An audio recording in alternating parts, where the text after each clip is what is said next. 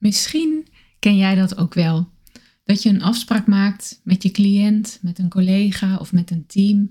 En dat je dan de volgende keer dat jullie elkaar weer spreken merkt, er is niets gebeurd. Dat wat jullie hebben afgesproken is niet gedaan. Ze zeiden ja, maar ze deden het niet. Daarover gaat de aflevering van vandaag. Ik geef je drie scenario's van wat er aan de hand zou kunnen zijn. En ook hoe je het ja zeggen en nee doen kunt voorkomen.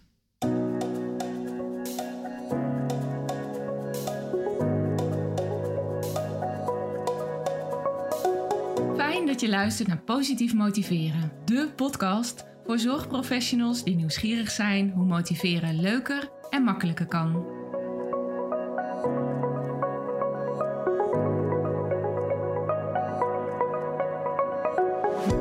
Mijn naam is Marielle Tromp en in deze podcast wil ik jou inspireren met verhalen, inzichten en tips die jij kunt gebruiken om meer resultaat, plezier en voldoening uit je werk te halen. Als ik gevraagd word om een training te komen geven of een workshop, dan vind ik het belangrijk om precies te weten wat, wat ze precies willen leren, waar ze tegenaan lopen, wat ze uit de training willen halen. En als het om een groep gaat, dan gebruik ik daarvoor meestal een vragenlijst.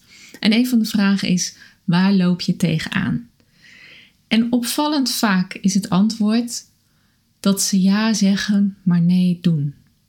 Letterlijk die zin. En natuurlijk naast deze zin ook heel veel variaties. Uh, zoals bijvoorbeeld, ik heb het gevoel dat we afspraken maken, maar zo gauw ik de deur achter me dicht trek, dat die afspraken ook weer zijn verdwenen. En als ik dan vraag wat wil je leren in de training, dan heeft het heel vaak te maken met leren hoe ik ze meekrijg. Hoe zorg ik dat de afspraken die we maken, dat die ook nagekomen worden. Als ik dan even helemaal vooruit zep naar als mensen klaar zijn met de training, wat doen ze dan eigenlijk anders of wat is hun inzicht? En ik heb daar voor nu even drie dingen uitgehaald. En ik besef dat deze voorbeelden ook weer heel erg afhankelijk zijn van wat precies jouw werk is en de dingen waar jij precies tegenaan loopt. Maar misschien kan je er weer zelf dingen uithalen. Het eerste scenario of het eerste inzicht wat mensen na een training hebben, is dat ze te snel antwoord geven op een vraag. Dat geldt met name voor bijvoorbeeld behandelaren of therapeuten of agogen binnen een zorgorganisatie. Die krijgen regelmatig een vraag Ehm, voor een behandelplan of een aanpak. En als die vraag komt, dan gaan ze daarmee aan de slag. Dan maken ze dat, maken ze een plan. En vervolgens gebeurt daar niet altijd iets mee. Wat deze mensen in de training vaak hebben gezien of ervaren of geleerd, is dat het goed werkt om wat langer stil te staan bij de vraag. En om daar eigenlijk minimaal zoveel tijd aan te besteden als aan de oplossing die jij ziet. Want als je meer tijd besteedt aan de vraag, dan blijkt soms de vraag helemaal niet de vraag te zijn. Bijvoorbeeld laatst had ik um, speltherapeuten en een van hen had een vraag gekregen: Heb jij ideeën voor een kind bij ons dat heel weinig speelt? Hoe kunnen we die helpen om meer tot spel te komen? En zij had daar heel veel ideeën over natuurlijk. En ze had iets van vier, vijf, zes ideeën gedeeld met het team. Ehm, maar dat werd allemaal niet gebruikt. Terwijl later bij haar het inzicht ontstond dat die vraag aan haar eigenlijk ook een soort, ja, ik zei toen schieten met hagel was. Er was een, een situatie met heel veel stress rondom het kind. En de begeleiders hadden begrijpelijk, verschillende lijntjes uitgegooid, verschillende mailtjes gestuurd en verschillende vragen uitgezet van kan je ons helpen? Dus ook naar verschillende disciplines.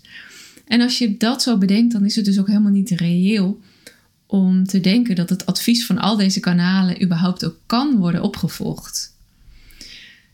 Dus wat jij hier misschien uit kan meenemen, is dat een vraag ehm, niet meteen een antwoord hoeft te hebben. Dat geldt trouwens niet alleen in deze situaties, maar in heel veel situaties. Als je realiseert dat een vraag aan jou niet betekent dat je direct hoeft te reageren, ontstaat er soms veel meer ruimte om iets te doen wat veel beter aansluit of veel effectiever is. Als je je herkent in dit soort werk, dus dat jij een behandelaar, agoog, therapeut bent, um, zie dan het stellen, als er zo'n vraag bij jou binnenkomt, zie dat moment juist als aanleiding voor het plannen van een gesprek. En in dat gesprek neem je de tijd om de situatie goed te analyseren. En dat is niet alleen in jouw voordeel natuurlijk, maar ook juist in het voordeel van de cliënten, van het team. En dus je, je pakt het moment dat, er, nou ja, dat de deur voor jou open gaat, zeg maar, omdat die vraag er is. Dat moment pak je om gewoon echt goed voor te gaan zitten. En waarom ik nou een beetje twijfel om door te gaan met de tweede vraag, is omdat ik ook gelijk wel aanvoel van, ja, maar is die tijd er dan wel? Hè? Heb, hebben we die tijd wel? Maar als ze geen tijd hebben om met jou een kwartier of twintig minuten of een half uur te bespreken wat er echt aan de hand is, dan weet je eigenlijk ook al wel dat de kans niet zo heel groot is dat jouw oplossing, dat daar wel tijd voor is. Dus zie het vooral, zo'n vraag, zie dat vooral als een signaal uh, dat jouw expertise nodig is en jouw meedenken. Maar dat betekent nog niet altijd dat jij op dat moment al een oplossing moet hebben. En dat sluit eigenlijk wel een beetje aan bij het tweede scenario.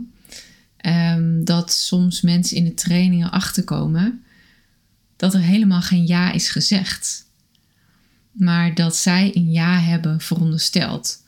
Omdat er een hulpvraag was en um, waarop zij hebben gereageerd, een antwoord hebben gegeven. En dat dat wel zal betekenen dat mensen dat dan wel willen. Maar dat, dat is natuurlijk niet zo. Het wil niet zeggen dat het antwoord wat jij geeft, of het plan wat jij hebt, of de aanpak die jij voorstelt, dat dat ook het antwoord is dat bij hen past. Of dat dat überhaupt het juiste antwoord voor hen is. En soms is het misschien wel zo dat er zeg maar fysiek, hè, in taal wel ja wordt gezegd, maar niet altijd met overtuiging. En dat is natuurlijk best wel eens lastig om dat aan te voelen of om dat op te merken. Wanneer is dat nou wel of niet zo?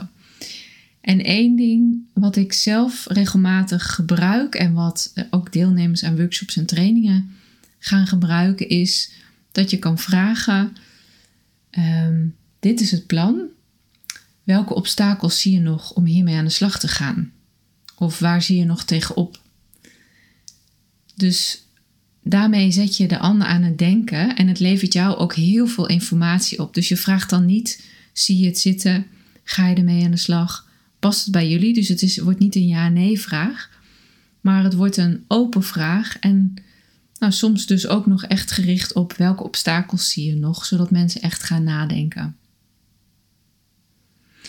Het derde scenario, of het derde ding waar vaak tegen, anders tegenaan wordt gekeken na een training, is um, dat er een inschatting is dat de ander al heel ver is in ja, de fase van gedragsverandering.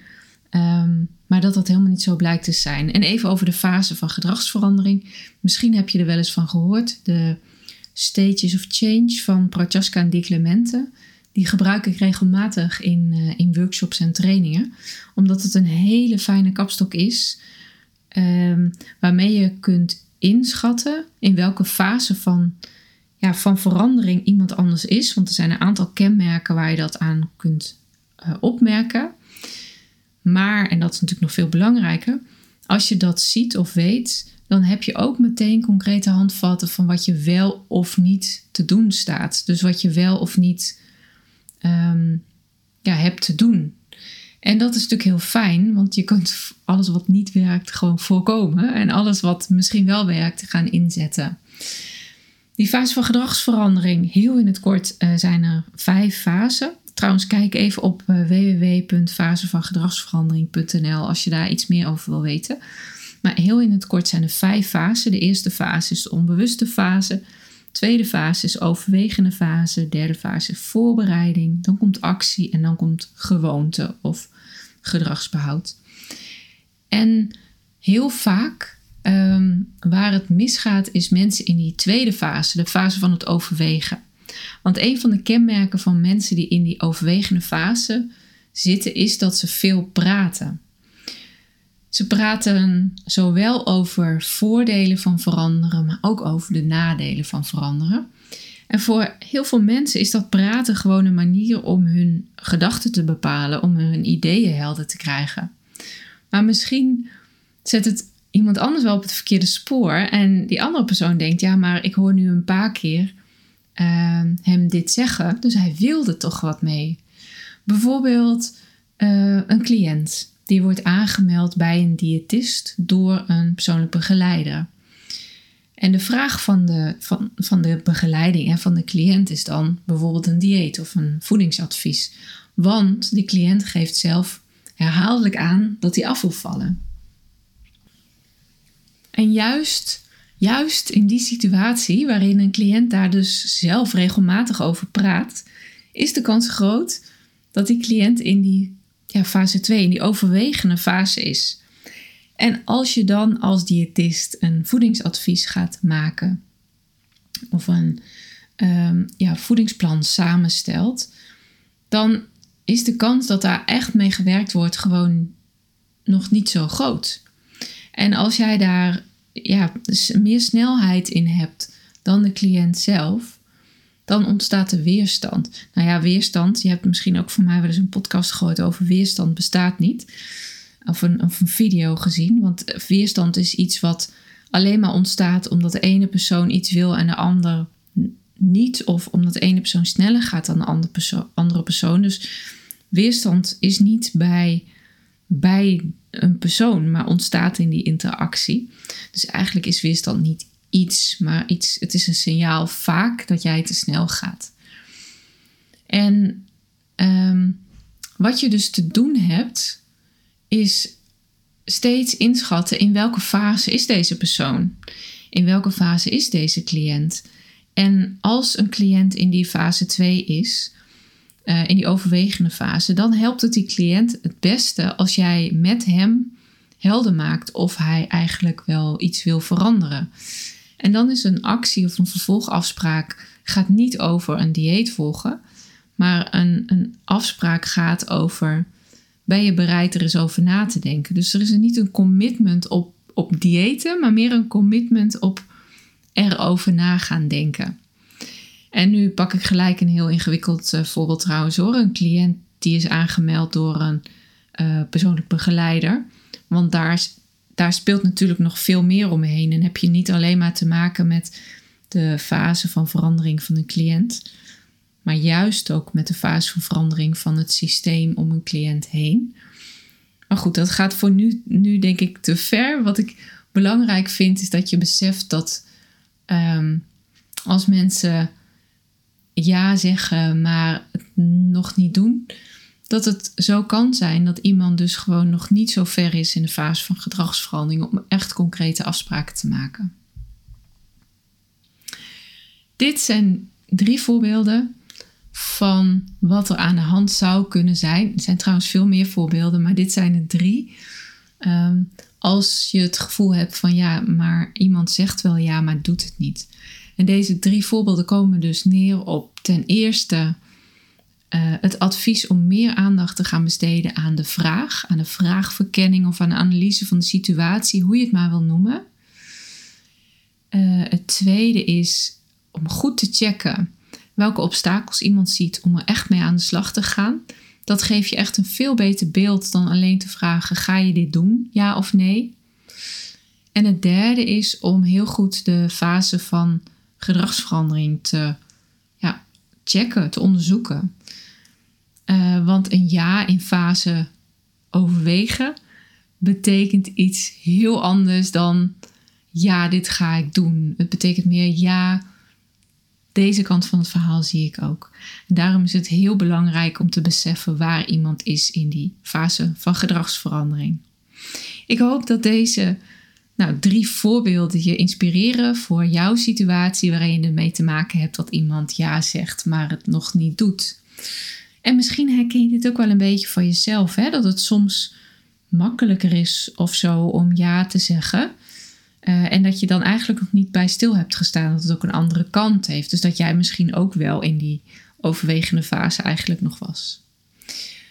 Ben jij nu bijvoorbeeld projectleider of programmamanager en denk je, dit soort tips zijn eigenlijk heel interessant voor binnen mijn organisatie, dan heb ik nog de tip voor je dat je bij mij altijd de embedcodes van de podcasts kan krijgen, waarmee je de aflevering ook heel makkelijk op jullie intranet kunt zetten. Dus heb je daar behoefte aan of lijkt het je interessant? Laat het mij even weten. Stuur mij een berichtje en dan help ik jullie graag verder. Tot slot nog even dit. Ik vind het bijzonder dat je luisterde en dat ik even met je mee mocht vandaag. Dank je wel.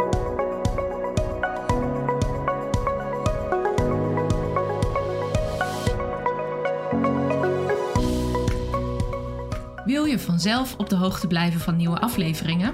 Abonneer je dan op Positief Motiveren in jouw favoriete podcast-app. Op www.positiefmotiverenpodcast.nl leg ik je uit hoe dat werkt en vind je bovendien alle afleveringen inclusief de links naar extra informatie. Ook lees je hier hoe je met mij in contact kunt komen. Want ik vind het echt leuk om van je te horen. Ben je enthousiast over deze podcast? Dan zou ik het enorm waarderen als je helpt om deze breder bekend te maken. Dat kan door deze podcast met collega's te delen of deze te delen op jouw sociale media kanalen. Graag tot de volgende keer.